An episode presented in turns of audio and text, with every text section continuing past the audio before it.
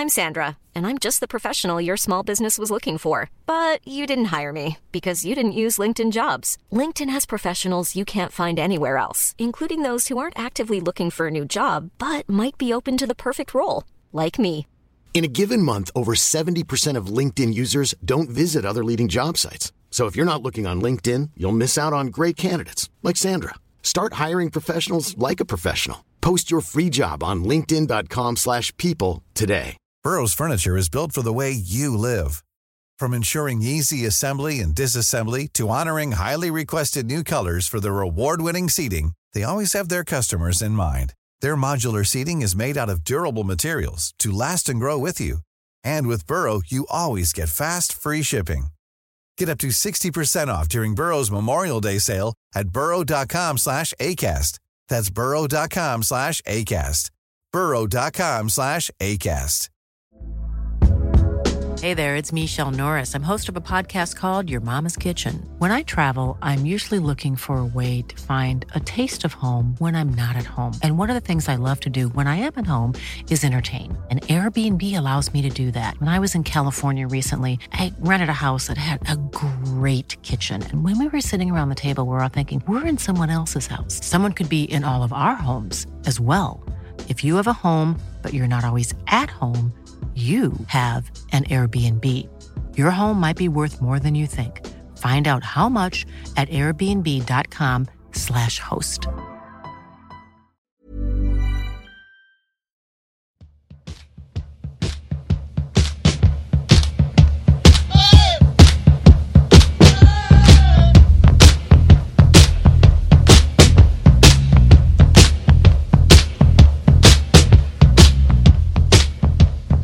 Hallå! Välkomna tillbaka till poddplats H. En podd om hockey och sport i allmänhet och Björklöven i synnerhet. Hur är läget med Josef idag?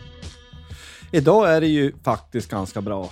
Eller det brukar det väl vara, men det är väldigt bra. Solen skiner och det är sommar och det är snart semester. Så det är ju alldeles utmärkt. Eh, Och ehm, man sitter och tänker, det blir nästan alltid så tycker jag i sommar, att ja, men nu är det ju faktiskt bara två, tre månader kvar så får man både jaga älg och titta på Björklöven. Ibland är det lite snabbspola sommaren. Ja, du vet ju vad Eh. Thomas Elin sa. Ja, han är ju kort. Det är ju då så sant som det är sagt.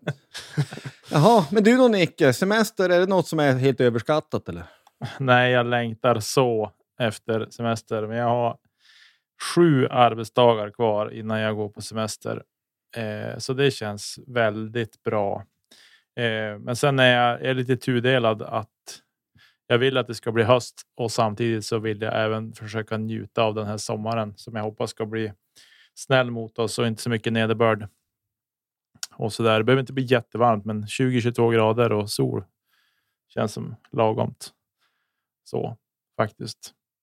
Eh, så att det är väl bra med mig. Eh, idag ska vi prata om att Björklöven gör 8,7 miljoner i vinst. Ska prata lite grann kring det. Spelschemat är ute. Vi ska titta på det och ge lite reflektioner och känna lite vad vi själv tycker om det.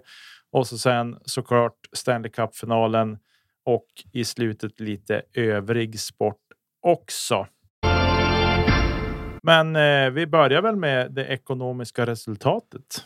Vad, Ja, det är bara att lyfta på hatten eller vad man nu har på sig. Det är ju det är Björklöven vi talar om, men man är ju inte van att man spottar ur sig en vinst närmare 9 miljoner. Så att, eh, bra jobbat alla runt föreningen och alla som har stöttat laget. Så att, eh, vi stärker vår position i Hockeyallsvenskan och eh, visar att vi är en av toppklubbarna även då organisatoriskt och ekonomiskt. Och det gör ju att vi kan, vi kan satsa mer eh, framöver. Jag hoppas att vi kan få se en liten satsning därav, men fortfarande ha ekonomin i första, första hand. Det, det är ju Björklöven betalar om, så man är inte alls van med det. Så att, men vi, vi är glada att det ser bra ut och det egna kapitalet ökar ju också till 13,8 miljoner. Så att det ser ju väldigt bra ut. Vad säger du Josef? Ja, det är ju, vi ska väl säga direkt att vi är ju inga ekonomer eller företagsekonomer, utan vi försöker på det kanske mest amatörmässiga sätt alltså, man kan eh, för- försöka förstå det här. Men det är ju, bra ekonomi är ju fullständigt nödvändigt. Det är ju ja, det är väl ganska många år nu det har funnits krav på elitlicens inom, inom hockeyn. Det egna kapitalet är nu, nuvarande krav är minst 2 av, av omsättningen. Och som du säger, vi hade nästan 70 miljoner i intäkter, eget kapital på 13,8 och 8,7 miljoner i vinst efter skatt. Vilket ju är otroligt bra i Hockeyallsvenskan. Vi har ju mycket mindre pengar från, från TV, tv-intäkter än vad SHL har till exempel. Så det är ju framförallt publiken som är den stora intäktskällan och allting runt det. Jag gjorde mig en liten... Eh, jämförde med en sån klubb som Leksand till exempel. De gick plus 6,4 miljoner i SHL. Och då drar vi in drygt 2 miljoner till, så det är ju otroligt bra. Sen så är det väl klart att när de har så här, Rivik och sådana, hans, vad han är väl ungefär halva Hockeyallsvenskans lön i motsvarande. Men ja, bara som en liten jämförelse. Mm. Vad säger du Niklas, du då? Nej, men jag tycker att det är jättebra. Sen får man ju liksom inte sväva iväg och tänka att ja, men gött, nu har vi 13,8 miljoner vi kan plöja ner i spelare. Det är inte så det är tänkt. Det så, utan jag ser gärna att eh, en stor del av den här kakan tycker jag ska satsas neråt i klubben också för att bygga upp en juniorverksamhet som är värd namnet.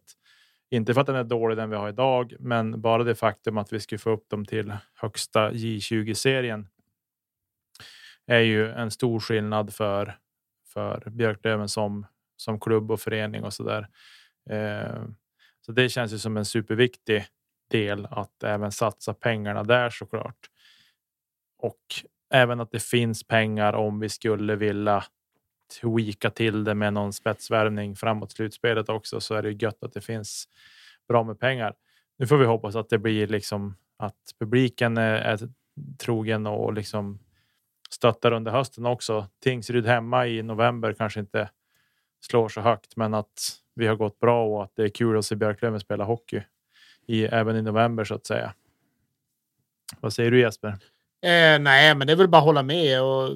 Eh, det är klart man ska bena ner det här lite mer, men men eh, jag tycker det är bra som du säger Nicke. Det är klart att vi vill satsa mer i de yngre leden och det möjliggör ju en liten annan satsning också. Att, eh, så att det är bra om vi kan sprida pengarna, inte bara på på A-laget såklart, utan eh, runt, eh, runt laget och kanske runt kansliet och sådana bitar också kunna stärka upp det ännu mer och kunna ta in eh, ta in mer sponsorer och sådana bitar. Det blir starkare överlag egentligen i hela föreningen så att det möjliggör ju att vi vi kan bli någon till gubbe eller gumma även där då så att eh, att Björklöven blir mer och mer proffsig och mer och mer redo för SHL, desto eh, större och mäktigare organisation vi blir.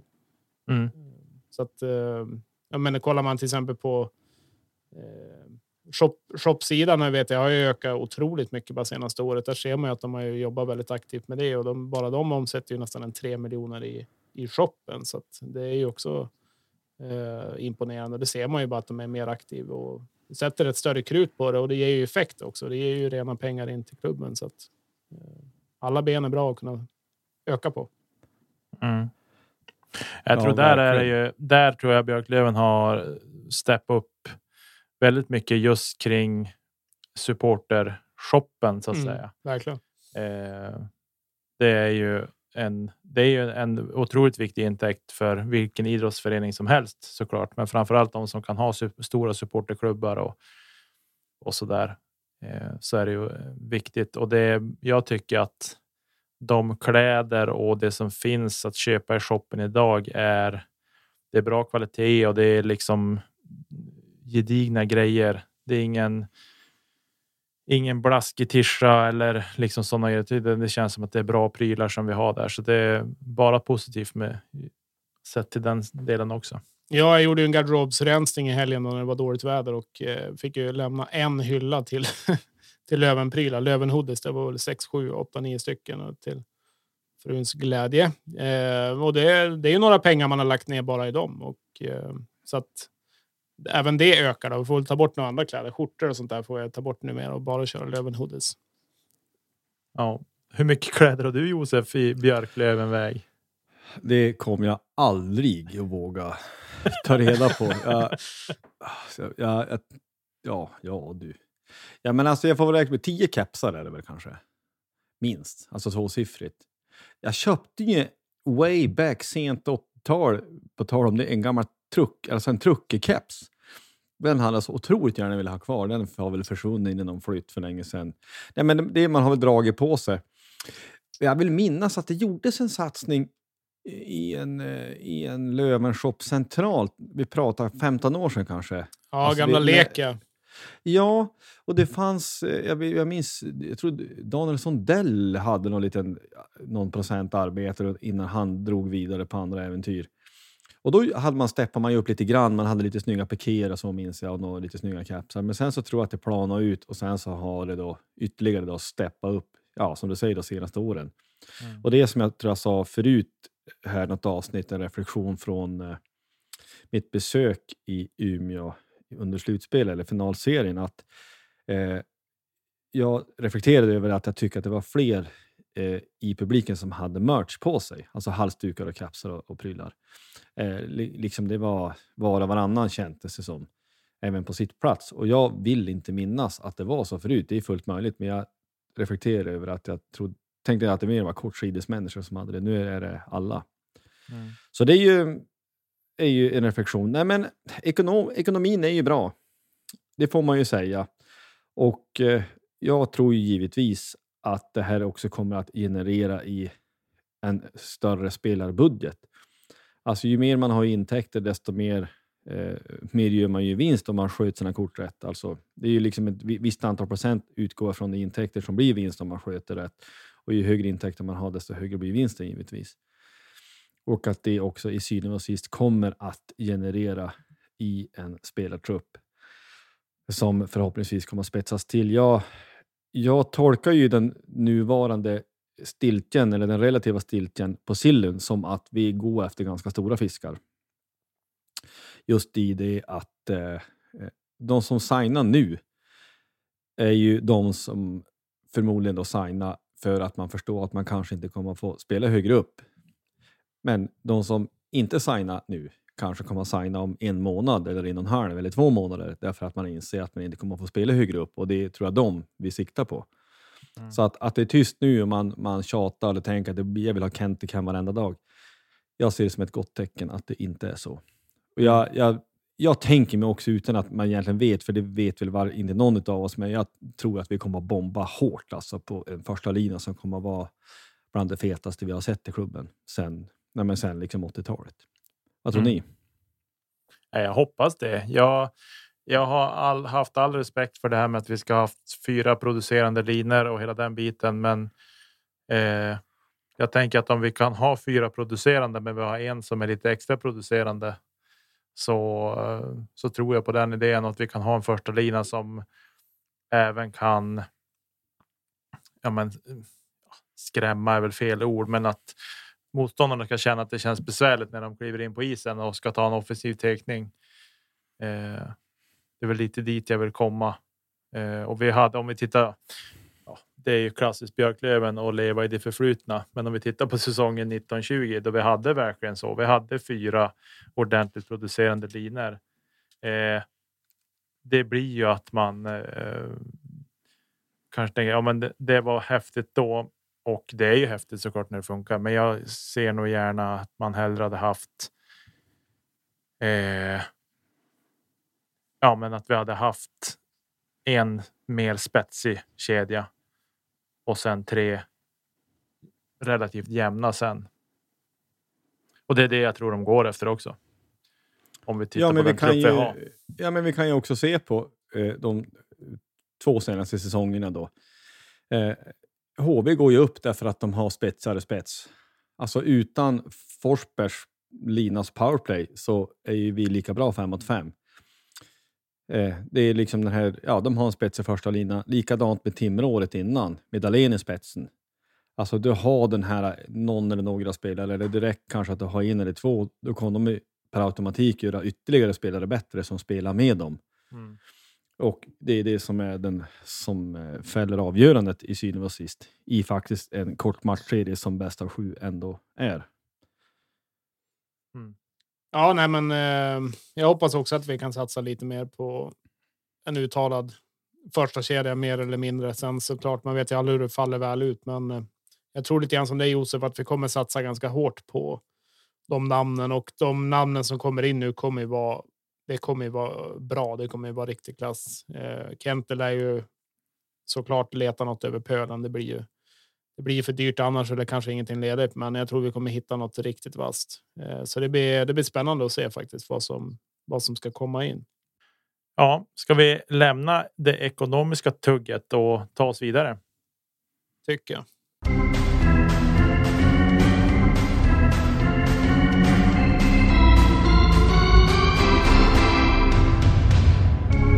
Ja, vi.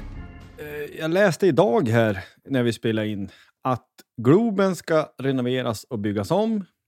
Och när det är gjort och är färdigt, då ska klassiska Johannesås i stadion Hovet rivas och ersättas med någon slags träningsrink eller träningsanläggning. Och det får man ju säga är ju någon slags nyhet åtminstone. Jag är ju så pass gammal så jag minns när Globen byggdes inför hockey-VM 1989. Det var ju så storslaget första gången man fick gå till Globen. Det var ju otroligt vilken arena. Sen har jag varit, väl varit på en antal hockeymatcher, det utgår jag från att ni kanske också har. Men eh, ja, vad har ni för reflektioner över det? Det är väl på något sätt ändå, om inte nationalarenan för hockey, så nästan. Hoppas säga båda två. Johannes Hov var väl liksom det klassiska, det landslaget som spelade way back när landslaget var riktigt viktigt. Ja, alltså Hovet är ju en uh, roligare hockeyarena. Eller alltså framförallt att fara sig hockey på så tycker jag Hovet är roligare än att sitta, sitta i Globen. Sen är ju Globen mäktig egentligen rent arkitekter och så den är byggd, men rent hockeymässigt och liksom ljudkulisserna så det blir när det framförallt då är väldigt mycket folk där. Då tycker jag ju Hovet är, är överlägsen. Sen eh, är det ju en ganska omodern arena såklart på, på väldigt många sätt och det behövs göra någonting åt. Och det är helt sjukt att de har liksom den arenan i princip i, i Stockholm. Eh, att det inte finns någon, någon bättre. Jag tycker inte Globen är direkt betydligt bättre heller. Så att, eh, men något måste göras. Det är väl dags att dags att riva den där. Nu tycker jag jag har hört flera gånger att de ska riva och det ska göras om, så det blir intressant att se om det verkligen kommer bli av den här gången. Men, eh, men annars en trevlig arena att vara på. Jag har ju sett en, en match bland annat när Djurgården vann med 7-0 eller 7-1 och man hör klockan slå och eka i hela huvudet. Så att eh, Polan somnade på läktaren bredvid också, så det var väl en sämre upplevelse. Men, men annars en trevlig, trevlig åkarena. Vad tycker du Nicke? Ja, Hovet har jag aldrig besökt tyvärr. Eh, men jag tycker när man har sett det man har saknat. Jag har väl saknat att det hade varit läktare hela vägen runt där. De har ju ena kortsidan är ju som någon läktare eller typ balkong. balkongläktare med så. Eh, hade den varit helt och hållet rund, alltså lite mer som Frölunda Borg är.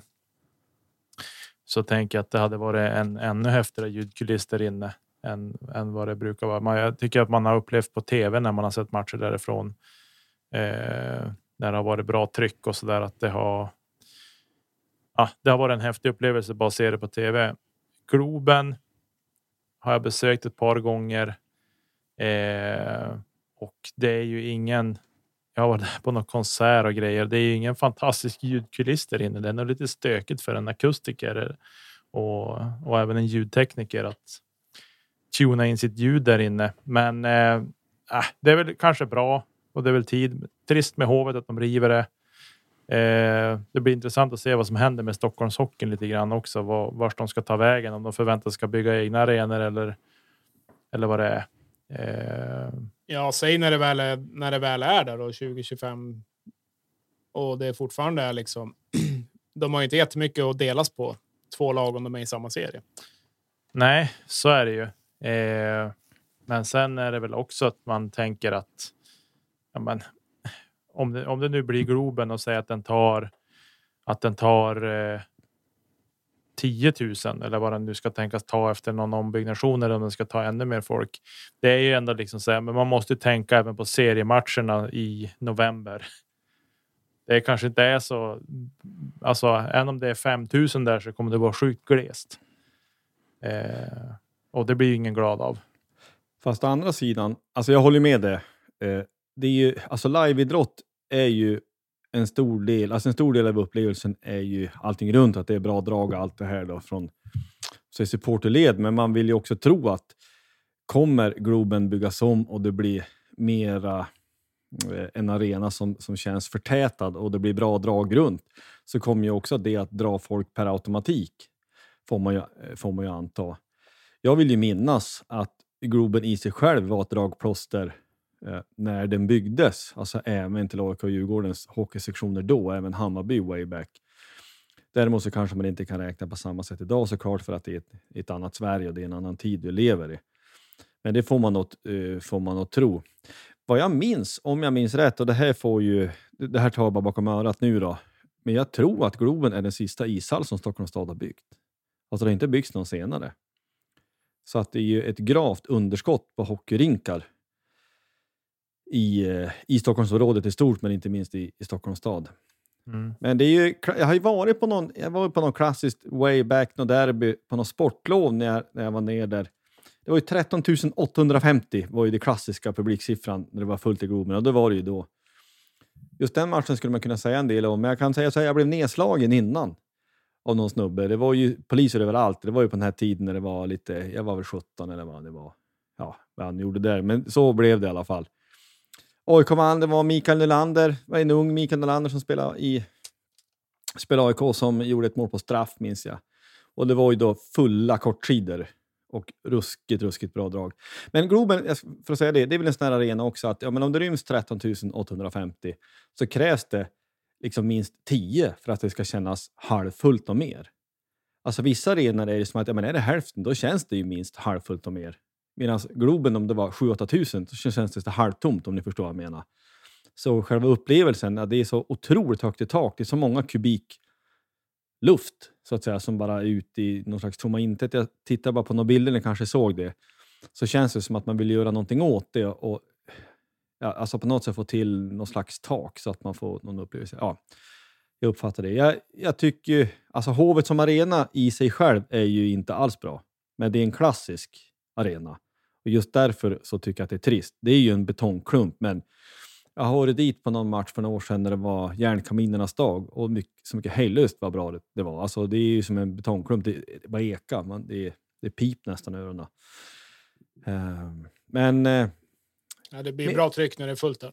Ja, precis. Nej, men som ett intressant faktum så är det ju så. Sen är det ju på ett sätt man kan säga ovärdigt är väl inte rätt ord, men det är väl ändå lite märkligt att en så stor eh, stad inte har bättre eh, möjligheter för elitidrott för sina, för sina elitklubbar. Det var det. En anledning varför man inte varit i Globen är väl för att det är så dyrt att hyra där också. Så det är därför man är på Hovet. Ja, 2025 ska ju hockey-VM arrangeras eh, i Globen, så det är mycket därför då. de ska göra renoveringen också under 2024. Ja. Så då ja, det får de ringa tillbaka Fredrik Pettersson och be honom komma och slå en straff kanske. Ja, det skulle vara det. Nej, men det blir, det blir bra. Men alltså då, då måste vi gå till beslut Nick, att du måste ju uppleva hovet innan du dör. Eller innan den ris.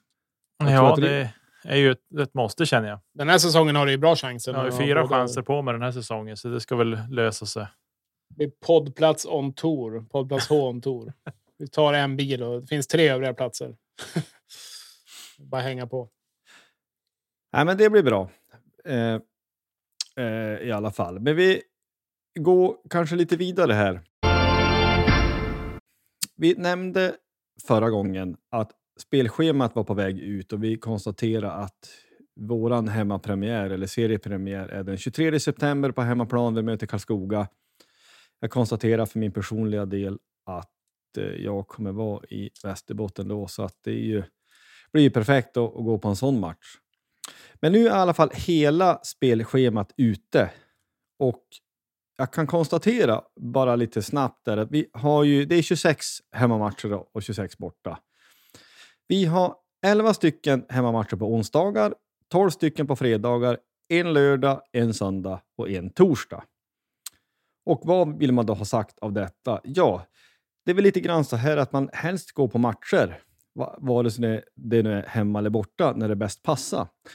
Eh, så vad, vad, tänker ni? Är det är liksom onsdag, fredag, lördag, spelar det någon roll för er? Eller är det att ja, men fredagar det är som bäst för då har man gjort helg? Och, eller vad, vad tänkte ni? Ja, för jag vara egoistisk och i min tanke så tycker jag det är bra när det är samlat på enkelt på dagarna. Det är lätt att planera hemifrån också. Säga onsdagar är jag borta i princip. Eh, sen tycker jag det är rolig, roligast att gå på en fredag eller lördag. Eh, och det brukar vara bäst tryck också. På lördagen kan man till och med ta med barnen ifall det skulle vara en vettig tid. Men jag tycker onsdag, fredag är väl eh, hockeyallsvenska dagar lite grann. Det är då man gärna vill, vill gå på hockey. Och det är ganska trevligt en fredag. Man har jobbat klart hela veckan, får åka till arenan, ta någon pilsner, eh, komma komma sig lite på pickalurven och åka hem med någon sen buss eller någonting. Så det kan vara ganska trevligt också. Så att eh, hockeyfredag gillar jag i alla fall. Jag är ju väldigt kluven, eh, men nu har man liksom anpassat sig till det som har varit. Eh, jag kan tänka onsdag, fredag, söndag inte så dumt heller. Eh, faktiskt nu när man har tre ungar som alla idrottar också så är det ju begränsat med eh, både kvällar man har ledigt och det är, det är träningar och annat. Så när jag tränade själv också för två lag så det kommer inte bli mer tid över. Eh, så är det korpen. Och så, och så korpen på det, egen motion och grejer. Nej, men eh, det är klart att jag tänker att helgmatcherna, framförallt fredag, lördag, lockar nog mer folk totalt sett för att det, det är lättare att ta med sig familjen. Eh, av någon anledning tycker man att det är det. På, jag tycker det i alla fall att det är lättare på hög. Man behöver inte fundera så mycket om det blir sent och sådana grejer. Nu var ju frun och mina barn var ju iväg här på en av slutspelsmatcherna när den gick till förlängningen. Den var klar snett före 12 den matchen. Eh, den matchen var inte på själv och det är klart att då tänkte man som förälder så tänker man hela tiden. Nu blir det blir tungt imorgon bitti för barnen. Eh, men eh, bortsett från det så det är klart att jag har inte jätteofta tagit med barnen på hockey när det har varit en onsdagsmatch och det är skola dagen efter för dem. De behöver sina timmar i sängen och, och så där. Eh, men eh, jag tänker väl att totalt sett för en, för en hockeyintresserad så är det liksom eh, fint med att man har eh, SHL vissa speldagar och, och Hockeyallsvenskan andra speldagar. Eh, Sen är jag väl inget jättefan av att, av att de här pauserna som görs i seriespelet för vila och annat, att de läggs alltid samtidigt. Det är jag väl inget fan av. Det tycker jag väl att de borde ha, kunna hantera bättre mellan ligorna, men ja, det är en annan sak. Det är en världslig sak så att säga. Ja, Nej, men det vi är inne på här också så roar jag mig här med att försöka ta reda på. Alltså, ni nämnde just det att ja, men fredagar upplevs det då kanske vara bättre drag och kanske något mer folk. Och eh, det ska sägas direkt innan jag fortsätter, jag är ingen större matematiker, återigen varken ekonomi eller matte. Men jag försökte räkna ihop lite. Säsongen 21-22 och även då säsongen 19-20. Alltså vilka matcher hade vi på vilka dagar? Kan man se en skillnad på snittpublik beroende på vilken dag vi spelar? Och kan man också i så fall se eh, någon slags slutsats av att om det vill säga att det är mer publik på fredagar, tar vi mer poäng på fredagar i så fall? Alltså har publiken någon påverkan på hur mycket poäng vi tar? Så om vi tar den närmaste säsongen som var nu senast, 21-22, så måste man ju direkt säga att det var ju publikrestriktioner vissa delar. Så att det här kan ju slå väldigt, eh, väldigt snett. Vi säger att det är restriktioner en tre, fyra veckor så kanske vi inte hade en enda match, hemmamatch, eh, lördagar till exempel. Eller söndagar, vilket man nu väljer. Fast vi hade massa onsdagar så går ju snittet för onsdagar ner. Men vi kan konstatera att vi hade återigen 26 hemmamatcher. Vi hade 11 stycken på onsdagar, vi hade 9 stycken på fredag, vi hade 2 stycken på lördagar och 4 stycken på söndag. Och jag kollar lite snabbt att onsdagar, de 11 matcher vi spelade där, då hade vi en snittpublik på 3461 åskådare och en snittpoäng på 2,0. Fredagar hade vi nio stycken hemmamatcher. Snittpubliken där var 4800, 4283 eh, och snittpoängen 1,77 så det gick ner lite. Men snittpubliken var mer än 800 fler. Lördagar hade vi två matcher bara då. Det var 4938 i snitt. Snittpengen en och en halv, och söndagar fyra matcher då. Snittpublik 3424 och snittpoäng på 2,75. Snittet ger då 4026. Men då ska man ha klart för sig att det var flera matcher där vi inte ens hade tusen åskådare när det var restriktioner. Men här kan man säga då att man kan inte se någon skillnad i poängen, men däremot i publik är det en stor skillnad. Onsdag, eh, onsdag och söndag, eh, som ger då 15 matcher, då var det inte ens 3 500 i snitt. Medan fredag och lördag, 11 matcher, var det, ja, det var 4 283 fredagar, lördagar 4 938. Så i så fall, med, med en sån tanke gör ju då att helgmatcher drar mer folk, utan tvekan ackumulerat nu för att det kanske var någon restriktion de övriga dagarna som gick ner. Men vad tänkte du om det här? Ja, eh, jag tänker väl att det är bra att vi, vi, vi producerar bra när vi inte har fullsatt. Eh, och ja, det är väl alltid roligt med publik och, och sådana saker.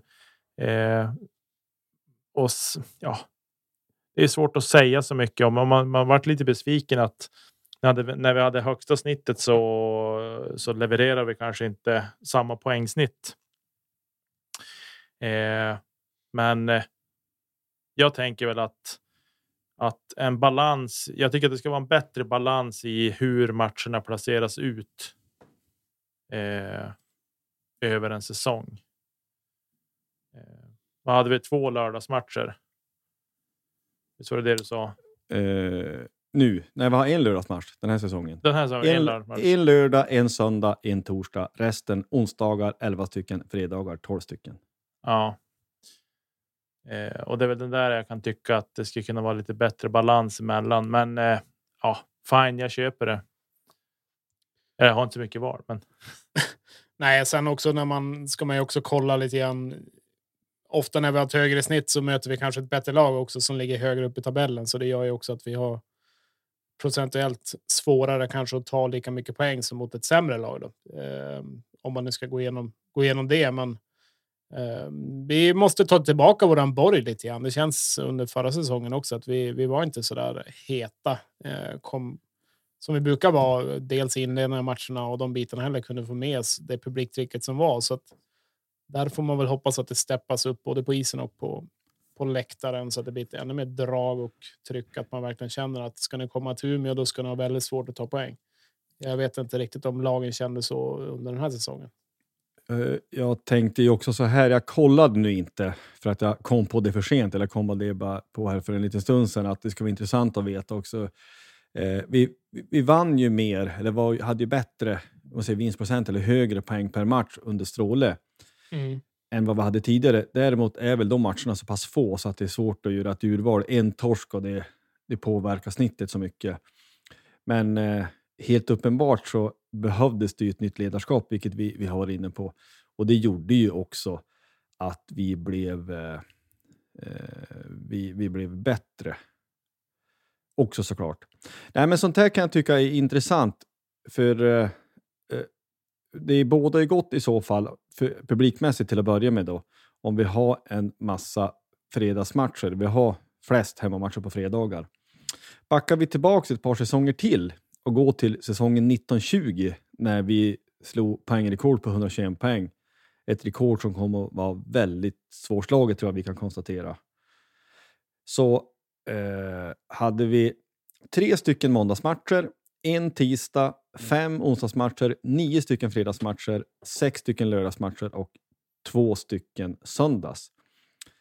Så man kan konstatera att vi har redan eh, vi har koncentrerat spelschemat, eller Hockeyallsvenskan har koncentrerat mycket matcher onsdagar, fredagar. Sen är det lite annat. Jag, jag kollar lite snabbt att vi hade nio bortamatcher fredagar. Det är väldigt bra för min personliga del om jag ska vara egoistisk. Fredagar funkar bra att åka på bortamatcher om det inte är för långt.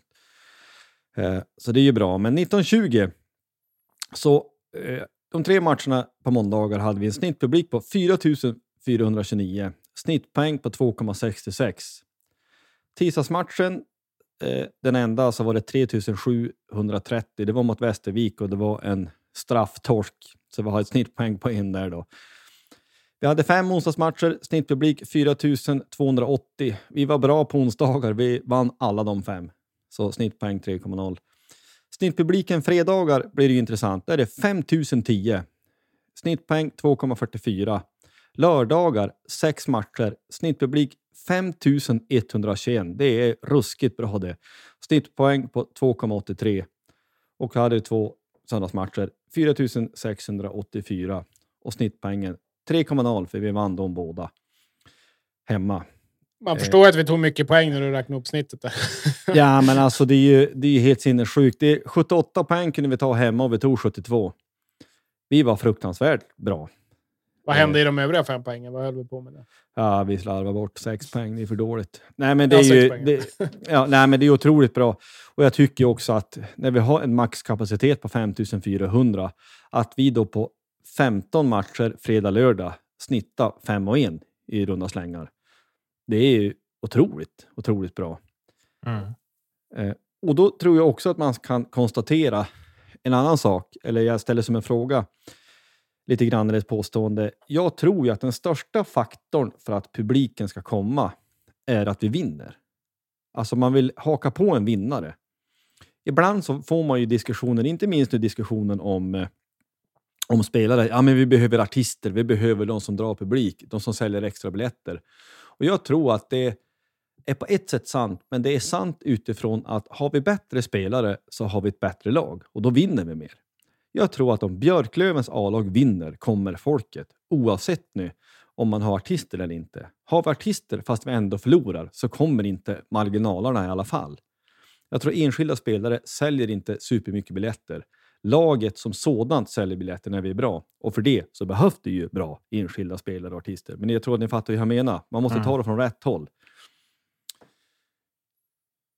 Ja, ordet är fritt. Nej, men så är det ju. Vi, eh, vi har ju de här marginalbesökarna som, eh, som, som dels kanske har varit svåra att locka också då när, när det inte gått bra. Man fått sänka biljettpriserna eh, och liksom ibland har det nästan varit mer eller mindre fria biljetter liksom för att man ska gå och kunna ge bort biljetter och så vidare till höger och vänster. Men det man har sett när det har gått bra så har ju priserna legat stabilt och man har kunnat ta en ta en större peng per biljett också. Så att dels det, det blir en, dels mer folk och det blir även högre intäkter på, på matchen och allt runt omkring och även att det kommer nya supportrar som, som belövare. Så att, Eh, det är ju jätteviktigt eh, och jag tror absolut som du säger Josef, ett, ett vinnande lag vill man gå och se och liksom bara det blir en show oavsett om det har varit Fagervall taktik och liksom stänga ner och vinna med 1-0 hemma eller om det har varit full fräs och 5-6-0 så vill man se ett vinnande lag och lite vad, liksom, hur bra är de inte? Så det ger ju absolut. Det är en annan buss på stan, på arbetsplatser och allting. Då vill folk gå och se. Man vill vara med och känna draget lite grann. Så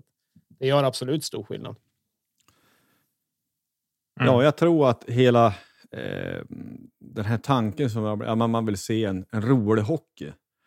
Man vill se, ja, alltså roligt och roligt. Men i syvende och sist handlar det om att vinna matchen. Och jag tror att, att vinna matchen är mycket viktigare än man gör det på ett roligt sätt. Jag tror att vi ska ha mycket folk på läktaren om vi vann varenda match med 1-0. Om vi vann allt, men vi gjorde det bara med 1-0 så skulle folk bli nöjda ändå. Sen är det ju väldigt få matcher där vi har de här Modo, ja nu Djurgården såklart, och där vi liksom vet att nu kommer det. Modo vet vi att det är fullt de matcherna, men sen är det inte så många mer lag som vi vet att det kommer vara fullt.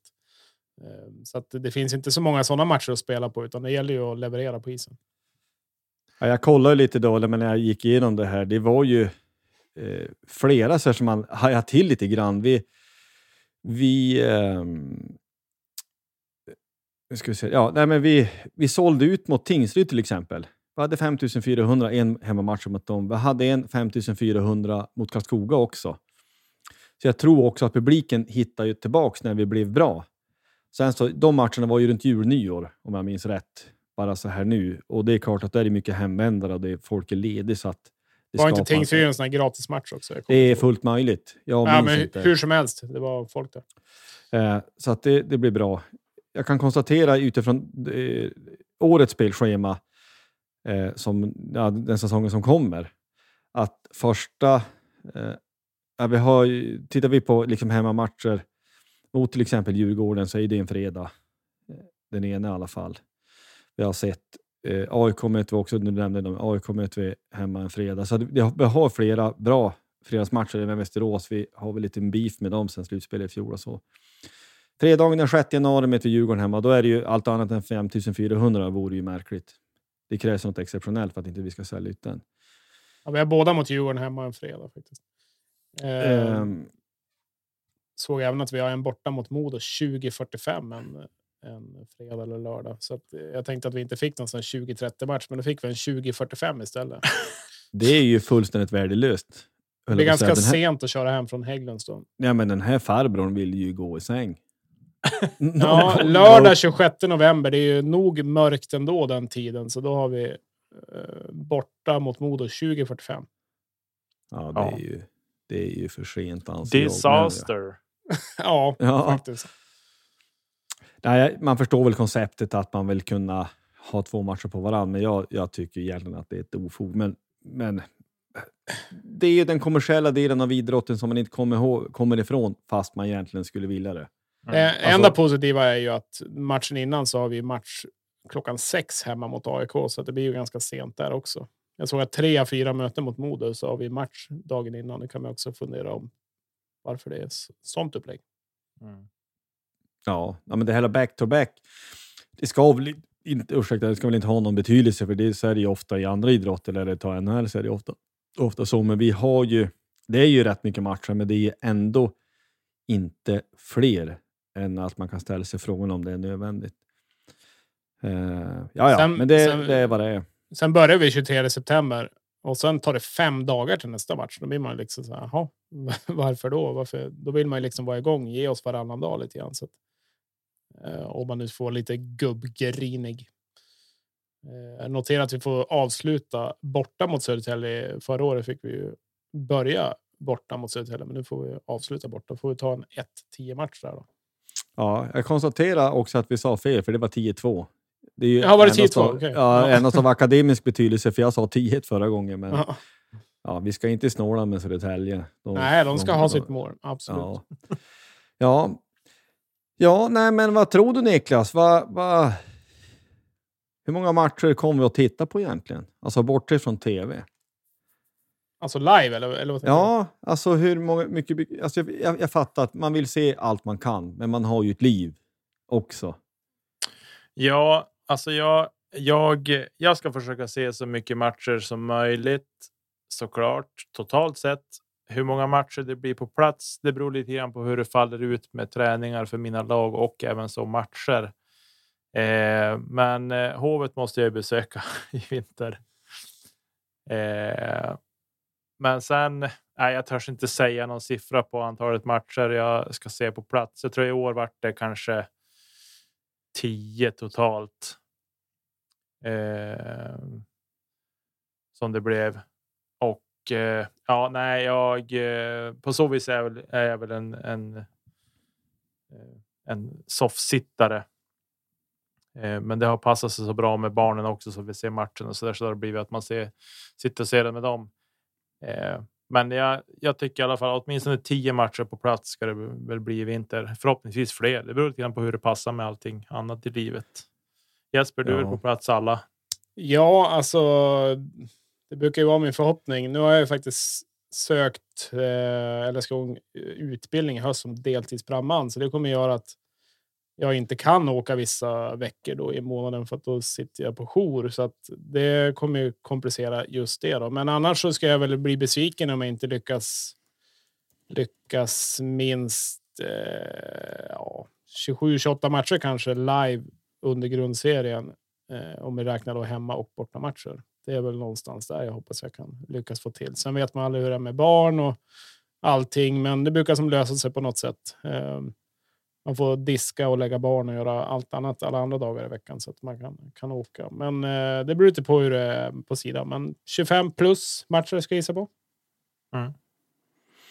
Ja, alltså det, det är ju ingen tävling om den som eh, hoppas jag, ser match, matcher när han dör, han eh, vinner. Liksom. Det är inte det, utan man måste ju på något vis få till en, en tillvaro där världen fungerar. I övrigt, jag, jag skulle gissa beroende på övrigt, men när det var ett gäng, man, det var nio på fredagar eh, för min del, bortamatcher. Och det beror ju på hur långt man ids fara. Det börjar bli långt, men jag planerar ju faktiskt att försöka ta mig till Kristianstad. Det var en fredag i alla fall, en av dem, och då helt enkelt försöka få till en övernattning. Alltså, ja, se en, en ny arena. Östersund vore roligt också, men det är som sagt långt och nu när dieseln kostar 26 kronor litern så det inte blir dyrt alltså i, över tid.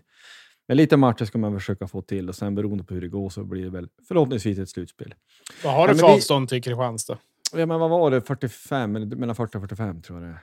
Ja, ja det blir ju, blir ju en bit. Ja, Östersund kan ju vara kul faktiskt. Jag har aldrig varit i den arenan heller. Så det, hade varit, det är ju ganska lämpligt för oss härifrån att åka dit. Ja, precis. Nej, men vi konstaterar att det är roligt att spelschema är ute och man kan sitta och kolla, man kan sitta och reflektera att man på det sättet. Så får man ju ta det för vad det är. Det här är ju inget eh, uttömmande statistiskt underlag. Men vi kan konstatera att fredagar och lördagar drar mer publik. Eller eh, helgmatcher. Och eh, det är ju helt uppenbart att man försöker ordna till det då. Att, vi, att lagen kan få, få de bästa dagarna. Har vi ett löfte också att du är på plats 26 november i, i Övik, Josef? Nej, det, det är nästan ett löfte att det kommer jag inte att vara. Det är ju, nej men det, det är på något vis, det är för långt för att, alltså man, det blir liksom nästan två resdagar. Alltså man sitter i en bil en dag upp och en dag ner, så det tog gå tre dagar i praktiken, eller två i alla fall. Två blir det då i bara massa resande. Men det är klart, det, man ska väl aldrig säga aldrig, men det, det får man se. Ja. Nej, men det ska bli roligt med säsongen igen då så småningom när den blir. Och ehm, förhoppningsvis så blir det här bra. Vi, vi får, väl- det är ju också en förhoppning om att det ska droppa in någon Kent Camp snart, men vi, är- vi är tålmodiga. Huvudsak, alltså det är viktigt att det blir rätt än att det blir snabbt. Mm. Men vad säger ni, ska vi gå vidare? Jajamän. Yes.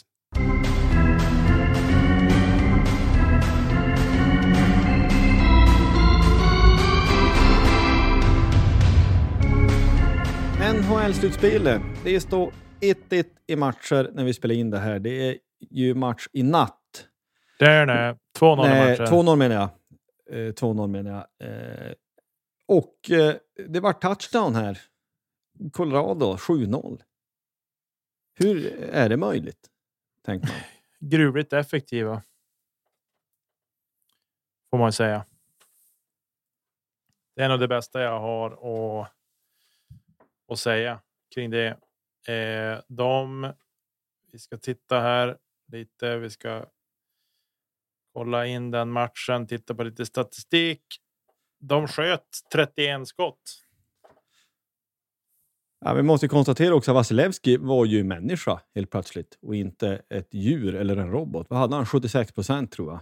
Ja, något sånt. Ja, Ja, Eh, det, båda matcherna var väl i alla fall eh, lite mer mänsklig. Släppte väl någon enkel förbi sig, men det är väl kanske dags att han får göra det också. Eh, men nej, det är ju 7-0. Det är ju, ja, det är ju hyfsat imponerande. Men är det något lag som ska vända det där så är det väl Tampa på något sätt som kommer ska komma tillbaka.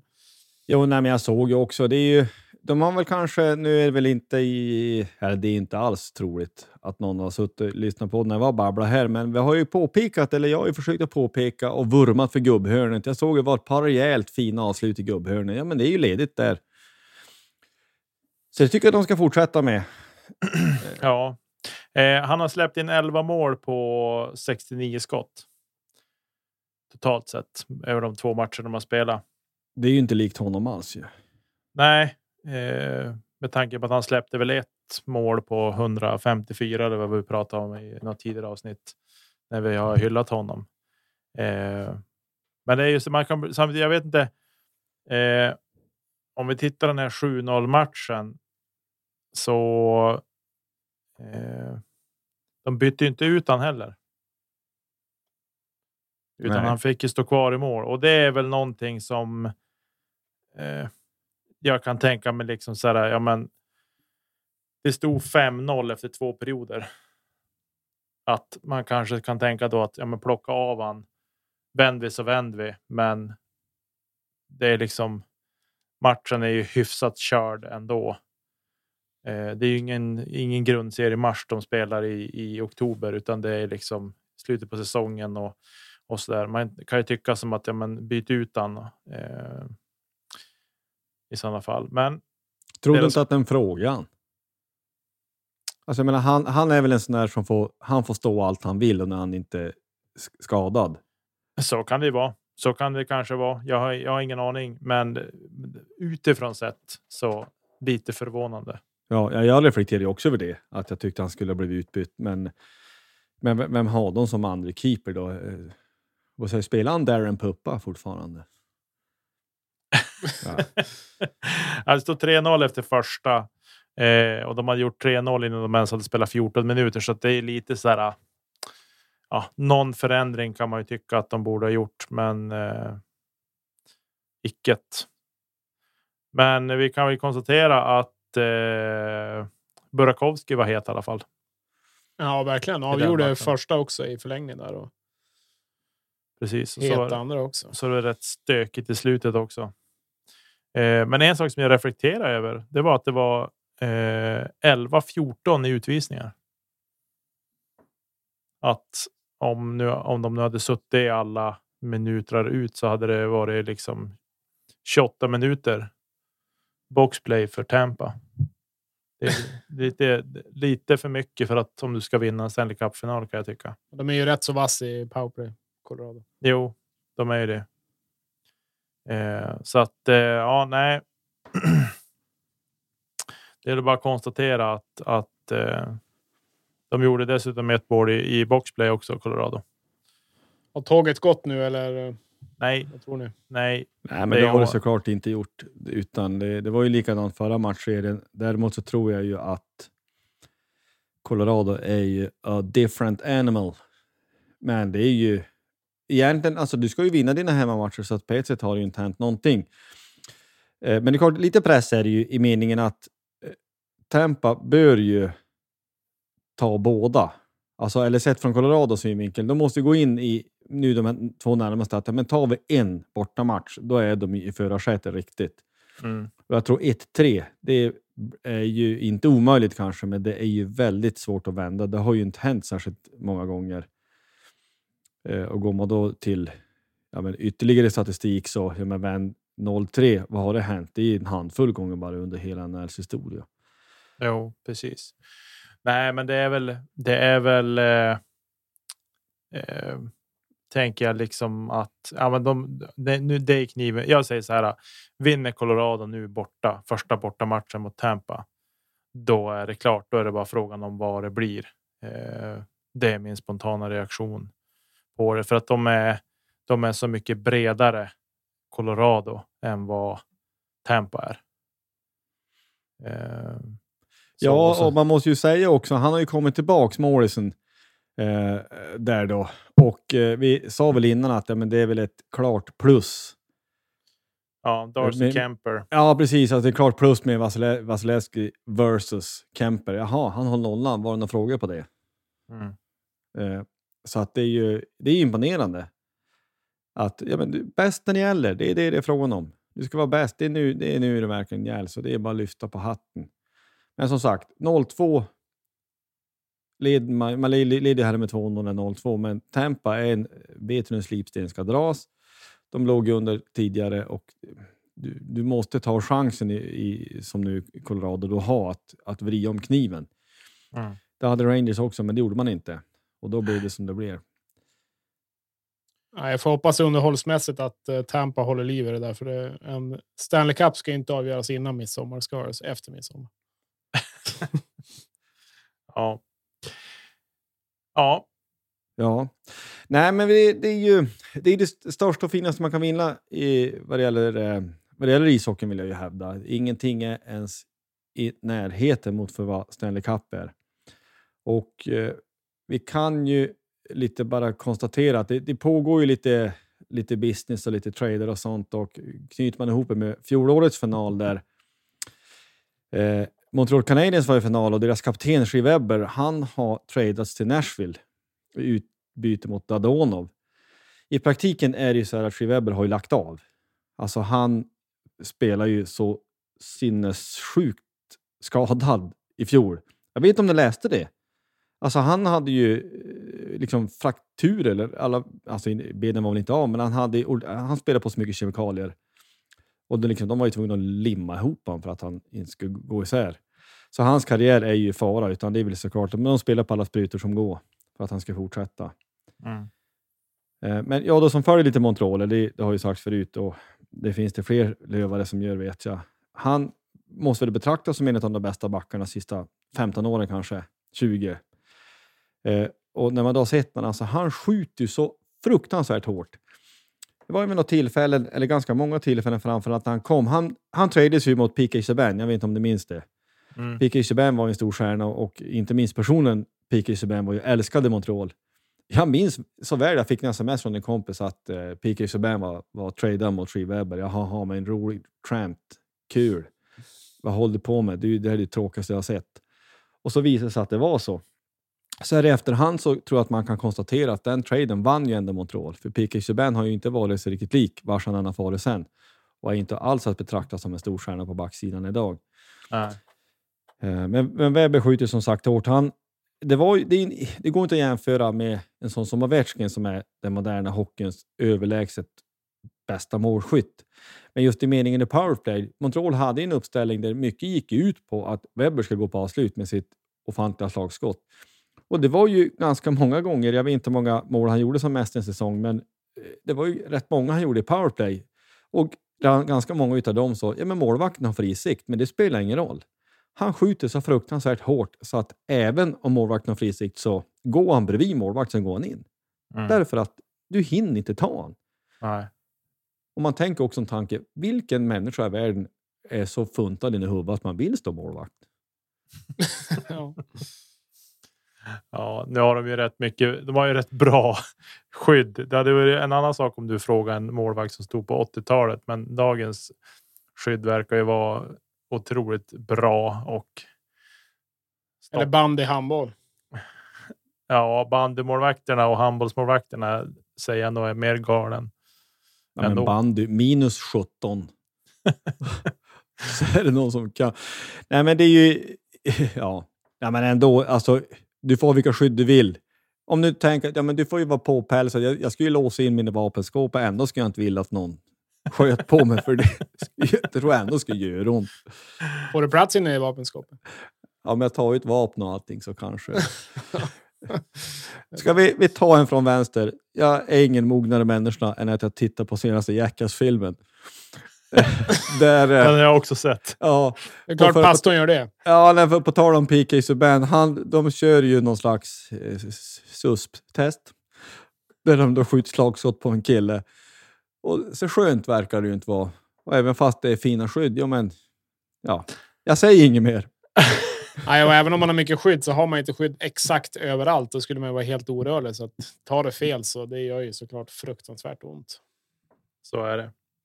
Ja, nej, men vi zoomar ut lite grann. Konstaterar bara att eh, eh, Colorado har satt sig i en väldigt bra sits och eh, nu vill man ju kanske tro att de ändå löste det där, men det vet man inte. Men de, vi konstaterar de är i förarsätet och Tampa, Tampa i princip måste vinna match 3 och 4 för att det här inte ska vara helt över. Jag personligen tackar Shea Weber för väl förrättat värv och eh, det har varit roligt att se honom för han har varit en riktig sheriff. Du vet, när han, också när han har spänt ögonen, när folk har tjafsat med Carey Price och så kom Webber och spände ögon i dem. Det, ja, men då är det färdigtjafsat. Ibland i alla fall. Eh, så det ska bli intressant att se. Det är ju NHL, NHL-draft snart ja, och på tal om det så, det har man nog varit inne på, så får ju Montreal välja först i Montreal. Visst är det början på juli, va? Eh, jag har inte datum med huvudet, men det är ju snart i alla fall. Mm. Spännande. Ja. Nej, men vi, vi går vidare.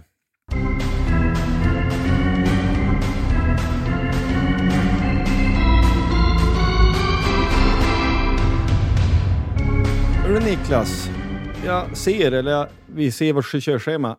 EPT Järva avgjordes i helgen. Nu vill jag du ta, igenom, ta oss igenom detta. Ja, EPT Järva, det är alltså European Disc Golf Pro Tour som har besökt Järva som har varit tidigare utnämnd till världens bästa discgolfpark. Eh, och där pågår ett förfall nu när Stockholms stad har fått för sig att Nej, men här ska vi bygga en begravningsplats. Det fanns ingen annan i närheten fast att det har funnits massor med förslag, men de lyssnar ju inte i vanlig ordning. Men i alla fall, Järva finns ju kvar och eh, Eh, vi ska inte köra fast så mycket där, men i alla fall så det har varit ett eh, stort internationellt startfält. Mycket svenskar med också.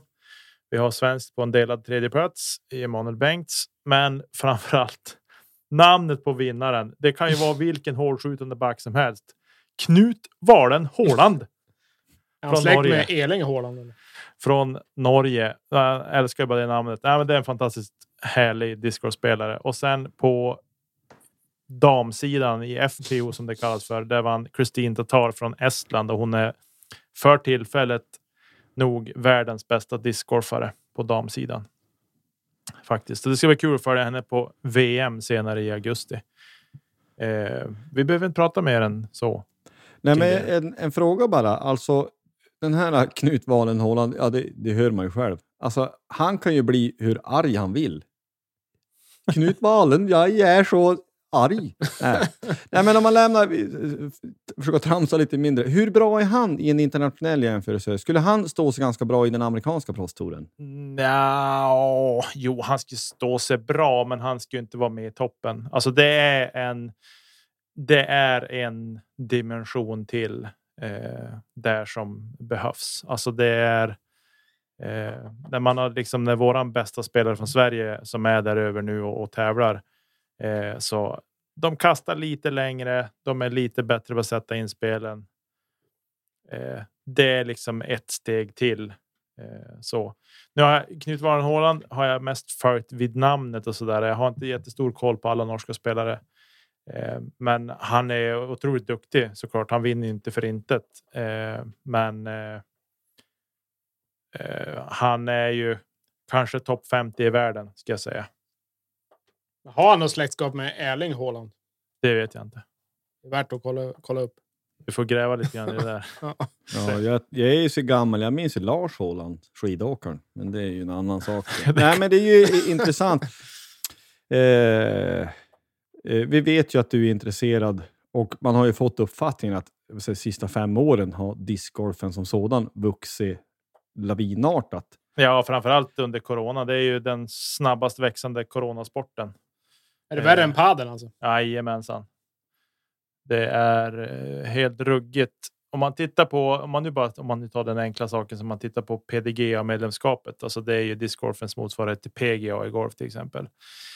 Eh, så jag blev medlem 2018 och jag har medlemsnummer 103 717.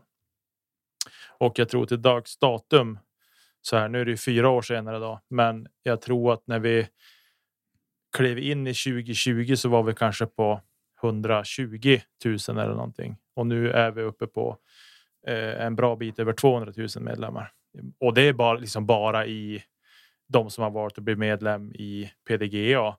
Eh, då, det är toppen på isberget. Eh, så att eh, det, det är ju häftigt, men vi har ju ett problem med att det har vuxit för fort också. Sporten hänger inte riktigt med och så där organisatoriskt runt omkring. Ja, Eh, det, är ju en, det är väl en ganska tacksam sport. Ja, inte bara vi säger corona, men inte minst corona då, när du är både utomhus och du håller avstånd. Och sen så kan väl i princip vem som helst börja direkt. Alltså Ja. Det krävs inte ett, ett maximum av förkunskaper. nej, Och inte ekonomiskt heller. nej, Nej, jag, jag, jag såg ju det runt, runt paddel. Alltså jag har kört lite paddel och tycker att det är kul.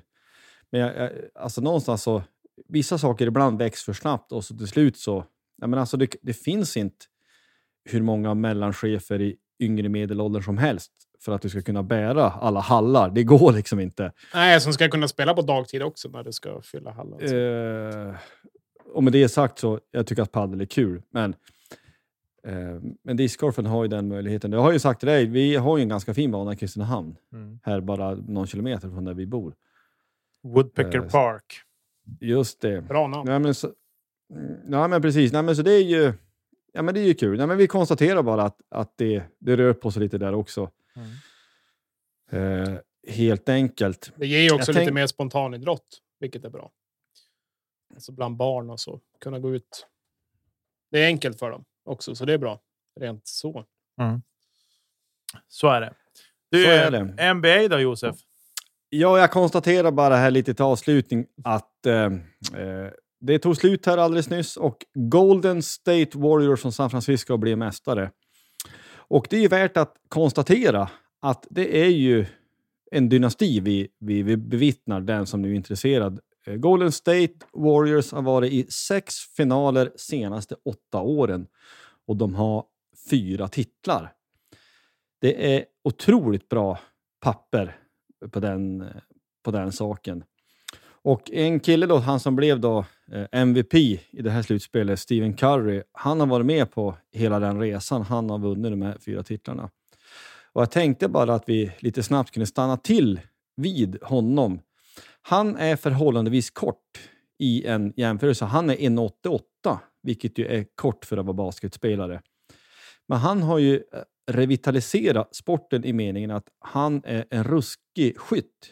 Vet ni vem jag, vem jag pratar om förresten? Har ni, har ni sett honom någonting? Ja, ja, jag har koll. Ja. Så, såg han gråtande sist också. Ja, nej, men det är ju det är ju fantastiskt. Nej, men just det att basketen som sådan, om man tänker som sport, blir ju intressant om du har bara om en sån enkel sak att du flyttar från där du tar avslutet så har du fler poäng om du sätter den. Alltså två mot tre, det är 50 procent mer. Eh, och han har ju rev, rev, revitaliserat sporten i meningen att han är ju en ruskig skytt. Han är helt eh, galen faktiskt. Och han är den som, han ligger tolva i NBA-historien totalt i sina tre, point, eh, tre poängs eh, försök då, i, rent i procent. Och eh, han har de eh, fyra av de fem bästa säsongerna i vad det gäller då trepoängare gjorda, har han de fyra av de fem bästa. Så han är helt ruskig på det sättet. Han, han eh, är den som har kommit snabbast till 2000 trepoängare och han gjorde det på 227 matcher färre än den som hade rekordet förut, som heter Ray Allen. Så det måste man ju säga. Han, han vid något tillfälle då läser jag han har gjort 100, eh, han har rekordet också att göra 103 poängare på 19 matcher. Det är det kortaste någon har gjort det på. Så det är klart, har du en sån som har så hög procent och som är sån ruskig skytt, det blir ju, att, det blir ju ett, en helt annan sport nästan. Alltså du måste försvara det helt annorlunda och att det blir ju mindre svårt i alla fall. Låt säga att du ligger under så är det ju lättare eller mindre svårt att komma ikapp om du får fler poäng per försök. Så det är klart att det blir helt annorlunda. Sen mm. så är ju min personliga koppling såklart att ja, men Golden State eh, ligger i San Francisco och jag håller stenhårt på San Francisco 49ers. Så att, eh, det är ju många som försöker dra den kopplingen att nu, snart måste det vara 49ers tur och det tycker jag ju, det är ju redo att gå till beslut på.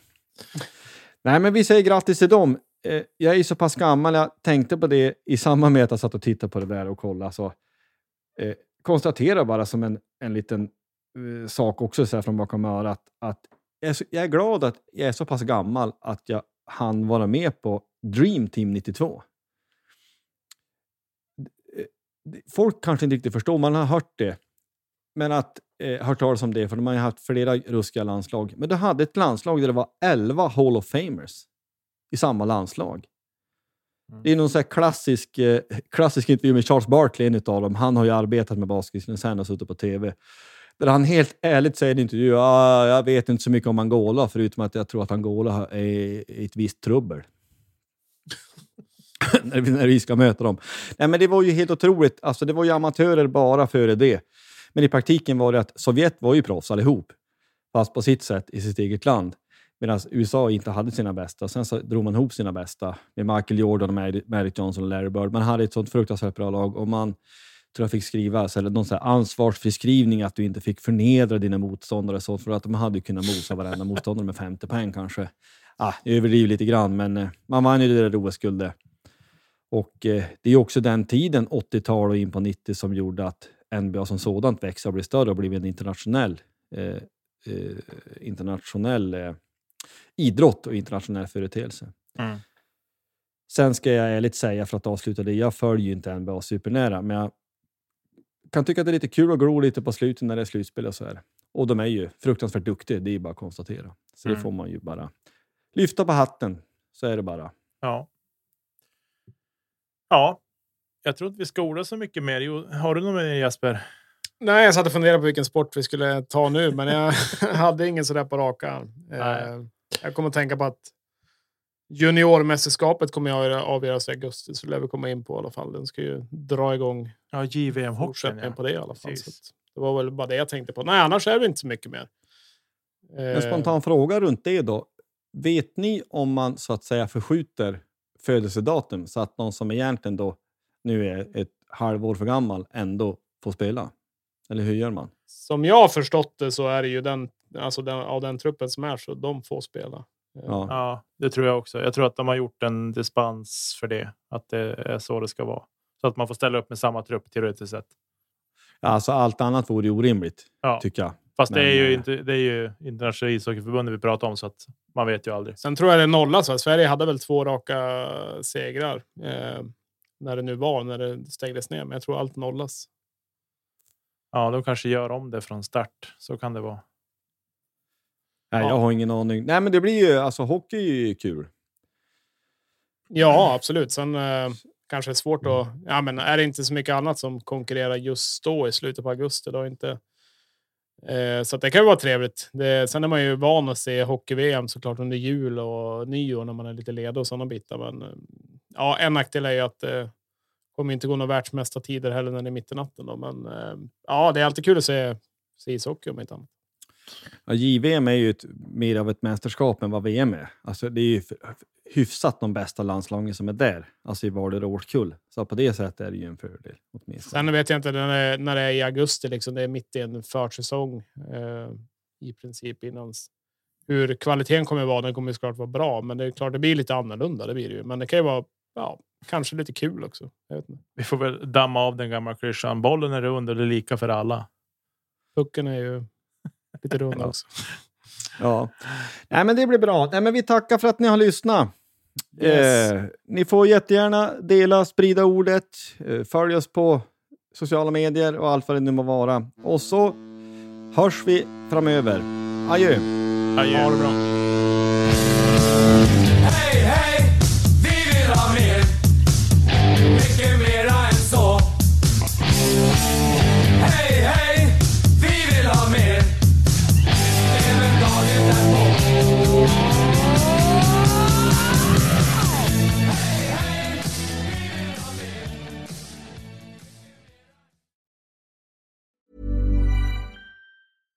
Mom deserves the best, and there's no better place to shop for Mother's Day than Whole Foods Market. They're your destination for unbeatable savings, from premium gifts to show-stopping flowers and irresistible desserts. Start by saving 33% with Prime on all body care and candles. Then get a 15-stem bunch of tulips for just $9.99 each with Prime. Round out Mom's menu with festive rosé, irresistible berry chantilly cake, and more special treats. Come celebrate Mother's Day at Whole Foods Market.